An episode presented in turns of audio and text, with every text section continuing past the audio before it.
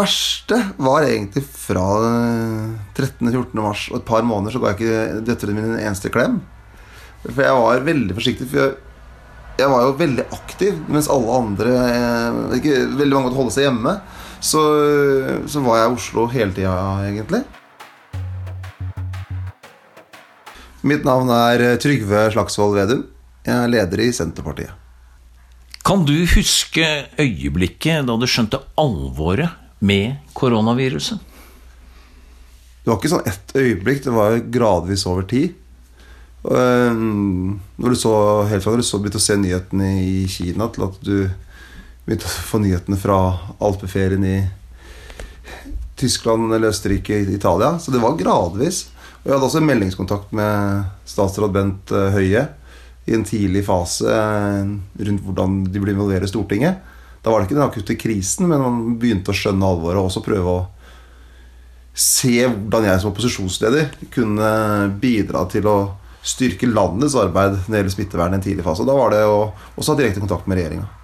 NRK møter Senterpartiets leder Trygve Slagsvold Vedum hjemme på gården Bjørby på Ilseng i Stange kommune i det som før var Hedmark fylke, nå Innlandet etter sammenslåingen med Oppland.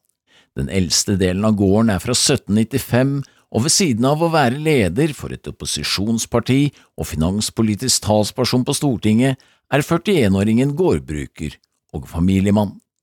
På Bjørby produseres det korn tilsvarende 130 000 brød i året, i tillegg til det mange synes kan være godt pålegg på skiven – honning. Med til gårdsdriften er det skog, og den dieseldrevne stasjonsvognen av kjent europeisk merke er nettopp parkert på tunet. Senterpartiet og Vedum sto sentralt i de politiske prosessene da Stortinget plusset kraftig på regjeringens forslag til krisepakker til næringslivet etter nedstengningen i mars.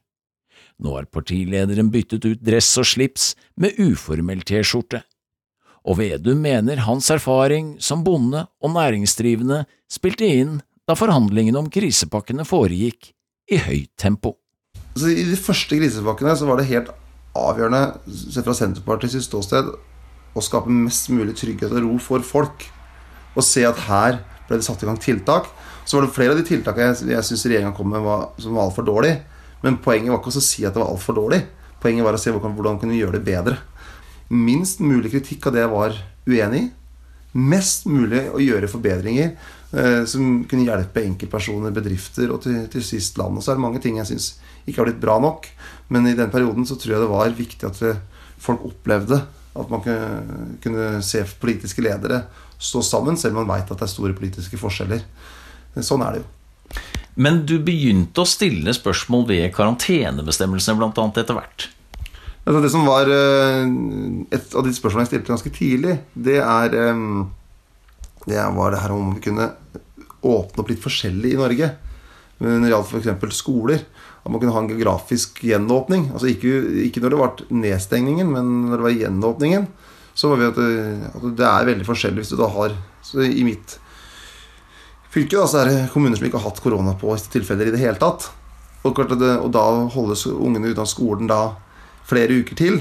Det, det stiller spørsmålstegn ved om da i kommuner som f.eks. ikke har hatt korona et eneste tilfelle, kunne ikke da skolebarna få lov til å begynne å gå på skolen der hvis det var små skoler i nærmiljøet og det var stengt. Og det, og det mener jeg Regjeringa ønska ikke det da.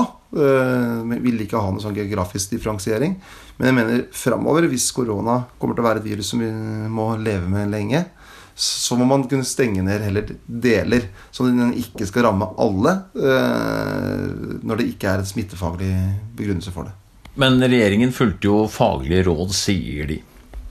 Så var det litt ulike eh, faglige råd, og det merka vi som hadde møte med Folkehelseinstituttet og Helsedirektoratet de dagene før det her skjedde. Men i den situasjonen det sto på, så mener, mener, jeg at det ville være veldig uklokt å begynne å kritisere. For da var det viktig at når det var tatt beslutninger, så måtte vi følge de beslutningene som var tatt. Og det gjorde jo folk.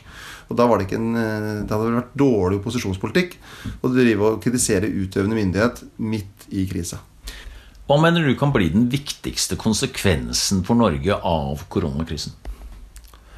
Altså, det er, litt, det er litt tidlig å si, men jeg er veldig bekymra for eh, deler av norsk næringsliv og det norske arbeidsmarkedet. Og så er det deler av norsk eh, reiseliv. Jeg er bekymra for anleggsbransjen.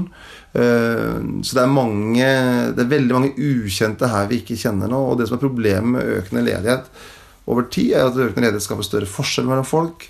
Eh, det skaper større sosiale problemer hjemme. Så det har mange følgekonsekvenser. Så det å få folk i arbeid, det er utrolig viktig. Og så håper jeg da at Jeg tror ikke helt på det, men at flere ser at det å ha god lokal beredskap eh, er avgjørende viktig. Det pågår en diskusjon om eh, koronakrisen kan være et mulighetsvindu for økt tempo i grønn omstilling. Og det har eh, kommet såkalt grønne krisetiltak. Samtidig så vedtok stortingsflertallet krisepakke for olje- og leverandørindustrien, som altså SV ikke ble med på, mens dere i Senterpartiet var med. Eh, miljøorganisasjonene var kritiske, mens olje- og leverandørindustrien var fornøyde. Hva er viktigst, Vedum? Arbeidsplasser i olje- og leverandørindustrien eller grønn omstilling? Jeg mener det forenkles altfor mye når man setter de opp mot hverandre. For vi er helt avhengig av å ta vare på den verftsindustrien vi har olje- og gassindustrien vi har etter kysten, og verftsindustrien. Og så det, vil det bli en gradvis omstilling, eller videreutvikling. For Det har alltid vært en videreutvikling av næringslivet. Og vi vet at på norsk sokkel så er det, er det gradvis eh, mindre å gjøre. Men det kan bli mer å gjøre når det gjelder eh, f.eks. havvind over, over, tid. Når jeg var på Kværne Verdalen i forrige uke, så var det jo eh, De skal, fikk jo noen av de største nye olje- og gassprosjektene. Men de var jo også de som er nærmest å kunne klare seg å kunne eksportere teknologi, f.eks. når det gjelder eh, havvind. Så derfor så er det så sørgelig når du setter sånn svart-hvitt. Svart men det ville vært eh, jeg mener det ville vært en katastrofe hvis man bare hadde lagt ned mye av den industrien. Og så må vi huske på at i år så bruker vi over statsbudsjettet 480 milliarder kroner som vi har tatt fra oljefondet. 480 milliarder kroner. Så det har vært en ekstremt lønnsom næring for oss. Og er det, uten tvil den næringa som derimot har størst avkastning. Nestleder i Senterpartiet, Ola Borten Moe, han var tidligere i sommer ute med en kronikk som jeg har tatt utskrift av, som du selvfølgelig har lest. Eh, det er da denne eh, med tittelen 'Grønn svada?' spørsmålstegn, der han slår fast at eh, det grønne skiftet kan bli en kostbar lek for særinteresser uten reelt innhold. Er du enig med ham? Var det en god kronikk? Det var jo en spissformulert kronikk. Uh, og det er Ola sin kronikk. Uh, og det som er Jeg tror det er litt sunt at vi ofte Men er du enig med ham? Det er, det er ting hvor jeg er enig med kronikken, og ting jeg ser litt annerledes på. Men det er det som er litt bra. At man kan ha litt sånne type debatter. Jeg synes Det er noe grunnleggende positivt med det. For det er veldig skummelt hvis det blir en sånn debatt at det er bare noen ting det er lov å si. Og hvis du sier noe annet, så er det liksom eh, utafor. Liksom, det er, sånn, da er det himmel eller helvete. Det er jo selvfølgelig ikke sånn. Vi trenger et kritisk ordskifte, ikke minst når man skal bruke store offentlige penger på ulike satsinger. Så trenger man et kritisk offentlig ordskifte, og det, det bidrar eh, Ola til. Og, så vet jeg at Ola er veldig opptatt av å få ned norske klimagassutslipp. Ha en eh, levende industri, verdiskapning rundt omkring i hele Norge. Bruke norsk natur, sikre eierskapet. Og så stiller han noen, noen, kritiske spørsmål til hvordan gjør vi det her på best mulig måte. Og det er godt og sunt at vi har sånne røster. Men er det en politisk hemsko for Senterpartiets troverdighet i klima- og miljøpolitikken at eh, nestleder i partiet Ola Borten Moe har eierandel i et oljeselskap, altså Okea? At vi har næringslivsfolk i partiet vårt, det er en stor styrke. Og vi har da folk som er aktivt innenfor vannkraft. Eh, vi har folk som er aktivt innenfor landbruk næringsmiddelindustri. Eh, vi har da folk som er, jobber i olje- og gassindustrien. Eh, I norsk reiseliv. Eh, fiskeri. Det er jo den miksen, at den har den bredden av folk som, som skaper verdier hver dag, er utrolig viktig for partiet. Men kan du som partileder garantere at Senterpartiet ikke bare legger seg flate for oljelobbyen hver gang den melder behov om støtte? Ja, og det der er hvem var den såkalte oljelobbyen nå? i den her? Hvem var det? Jo, det var når jeg var i Egersund, så var det jo den tillitsvalgte som jobba der. Som representerte de tillitsvalgte, jobba som jobber da i Egersund, på verftet der. Eller når jeg var da på Rosenberg i Stavanger, så var det selvfølgelig de lederne der, men det var også de ansatte eh, som, som, du møtte. Det er eh, En av de som gjør sterkest inntrykk, er dattera til en som jeg kjenner, som måtte jobbe på i i oljeindustrien da i Stord. Det er, er LO-lederen, det er fagforeningsfolk, det er mødre. Det er selvfølgelig også ledelsen i, Equinor og Aker. Eh, Det er jo bredden av norske folk som er den der såkalte oljelobbyen. Det er deg og meg. Og så er det jo viktig å få fram at vi alle lever jo av de inntektene. Og så er noe- liksom målet vårt er vi må sikre den verdiskapninga. En fantastisk verdiskapning rundt den, den næringen.